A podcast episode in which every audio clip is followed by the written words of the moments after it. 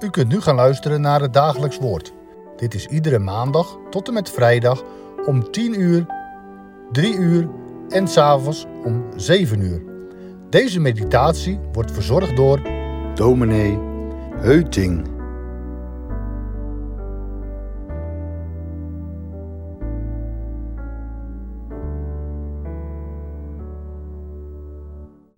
Ken je Spoorloos? Het is een televisieprogramma. Presentator Dirk Bolt probeert wereldwijd verloren familieleden op te sporen. Hij reist heel wat landen af om verwanten te herenigen. Is het contact eenmaal gelegd, dan wordt een ontmoeting gearrangeerd. Hoe emotioneel dat is, laat spoorloos zien. Meer dan Dirk Bolt arrangeert de Heere God een ontmoeting tussen Aaron en Mozes. Exodus 4 vertelt ervan. We lezen vanaf vers 27. Exodus 4 vanaf vers 27. De Heere zei tegen Aaron: Ga Mozes tegemoet in de woestijn. En hij ging en ontmoette hem bij de berg van God en kuste hem. Mozes vertelde aan Aaron al de woorden van de Heere die hem gezonden had en al de tekenen die hij hem opgedragen had. Toen ging Mozes op weg met Aaron en zij verzamelden al de oudsten van de Israëlieten. Aaron sprak al de woorden die de Heere tot Mozes gesproken had en deed de tekenen voor de ogen van het volk het volk nu geloofde. Toen zij hoorden dat de Heere naar de Israëlieten omgezien had en dat hij hun onderdrukking gezien had, knielden zij en bogen zij zich neer. Het zal wel heel lang geleden zijn dat Aaron zijn broer Mozes heeft gezien. Mozes werd immers al op jonge leeftijd geadopteerd door de dochter van Farao. Aan het koninklijk Egyptische hof groeide hij op. Misschien heeft Aaron nog gehoord dat Mozes een Egyptenaar heeft vermoord. Daarna is het stil geworden. Spoorloos. Maar nu? Nu hoort hij dat zijn broer leeft. De Heere vertelt het hem. Wat denk je, hoe zal Aaron zich hebben gevoeld? In ieder geval doet hij gehoorzaam wat hij van God heeft gehoord. In de woestijn ontmoeten de broers elkaar. Bij de berg van God, de Horeb, een unieke locatie, heilige grond. Zie je de broers? Een tv-camera zou op deze scène inzoomen. Exodus vertelt eenvoudig dat Aaron zijn broer kust. Een heilige kus, zal de apostel Paulus later zeggen. Naast intieme emotie is dit vooral ook expressie van ootmoed. Aaron moet in Mozes zijn meerdere erkennen, hoewel hij zelf de oudere is. Mozes is immers door God geroepen tot leider van zijn volk Israël en Aaron zal hem daarbij assisteren. Hij staat op de tweede plaats. Precies zoals de Heere God tegen Mozes heeft gezegd. En daarom dus deze hereniging. Meer dan spoorloos. En daarom ook deze begroeting. En daarom ook deze kus. In de betekenis die je ook tegenkomt in Psalm 2. Kus de zoon. Dat wil zeggen, onderwerp je aan hem en erken zijn gezag. Daar gaat het hier om. En vervolgens informeert Mozes zijn broer over de plannen van God. De Heere heeft een soort operatie vrijheid opgesteld. Alles wat de Heere tegen Mozes heeft gezegd en alle tekenen die God hem opdroeg om te doen, geeft hij door aan Aaron. Je weet wel dat van die staf die verandert in een slang. En van die hand die melaats wordt. Enfin, je hebt het gehoord de afgelopen dagen.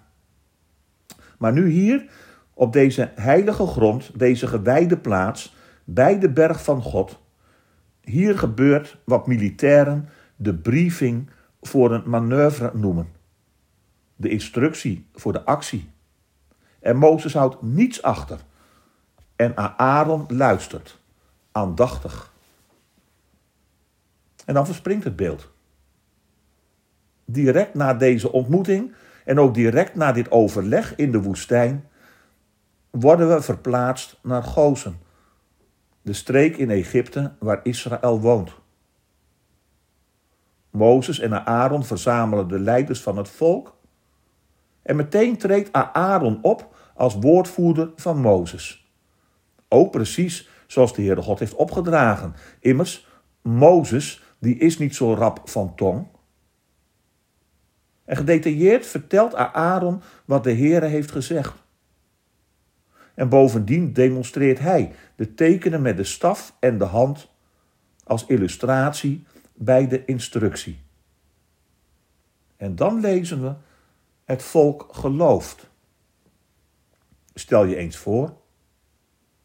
Want niets wijst erop dat de verlossing uit de slavernij mogelijk zal worden. De feiten zijn anders. De realiteit is hard. Er zit nog helemaal geen verandering in de situatie waarin de Israëlieten verkeren. En dan kunnen wel een paar oude mannen iets vertellen, waaronder een vreemde bejaarde herder uit Midian, die ze helemaal niet kennen. Maar wie garandeert dat hun verhaal waar is? En dan die God van Abraham, Isaac en Jacob. Al eeuwenlang hebben ze niets van hem gehoord, niets van hem vernomen, niets van hem gezien. En toch, het volk gelooft. En geloven wil zeggen vertrouwen op God, het wagen met zijn woord, bouwen op zijn belofte, accepteren van de boodschap. Al voel je niets, al zie je niets, al merk je niets, al hoor je niets, al proef je niets. Nou ja, vul maar in. Gewoon helemaal niets. En toch, toch. Kijk, dat is hier het geval. De Israëlieten luisteren naar de woorden, aanvaarden de boodschap en volgen straks de aanwijzingen.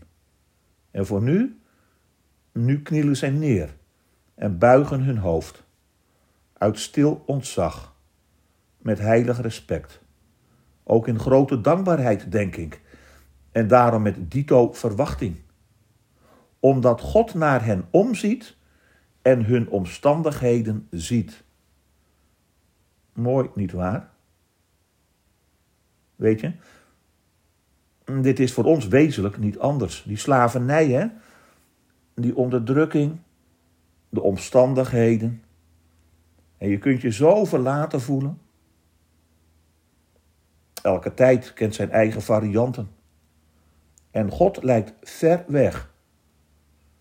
Wie zal zeggen hoe jij dat nu beleeft? Totdat, totdat er iets wordt gezegd van God, om Jezus wil. Zoals nu, een boodschap verpakt in een podcast. Dwars tegen alles in wat je ziet en hoort, en toch geloven wat God zegt en doet en gaat doen. Al wordt je voor dwaas uitgemaakt of achterlijk, al wordt gezegd dat het niet meer van deze tijd is. Even later, even later, beschrijft apostel Johannes de grote verbazing die door de kosmos gaat als het geloof allerwegen openbaar wordt. Hij ziet dan een menigte die niemand tellen kan, uit alle natie, uit alle talen rond de troon van het lam. Een schare die gelooft. Gevonden. De ontmoeting gearrangeerd. Aanvankelijk spoorloos, maar toch bijeengebracht. Bij die ene. Ben jij erbij? Daar loopt de geschiedenis van God met Israël en de wereld op uit. Dat is de voleinding die bij Mozes begonnen is. En meer dan Mozes is ons geopenbaard in de Heer Jezus Christus. Zijn geest wekt vertrouwen. Hij legt de verbinding. En hij arrangeert de ontmoeting. En we horen, we worden vrij. Eens, eeuwig, altijd vrij. Laten wij bidden.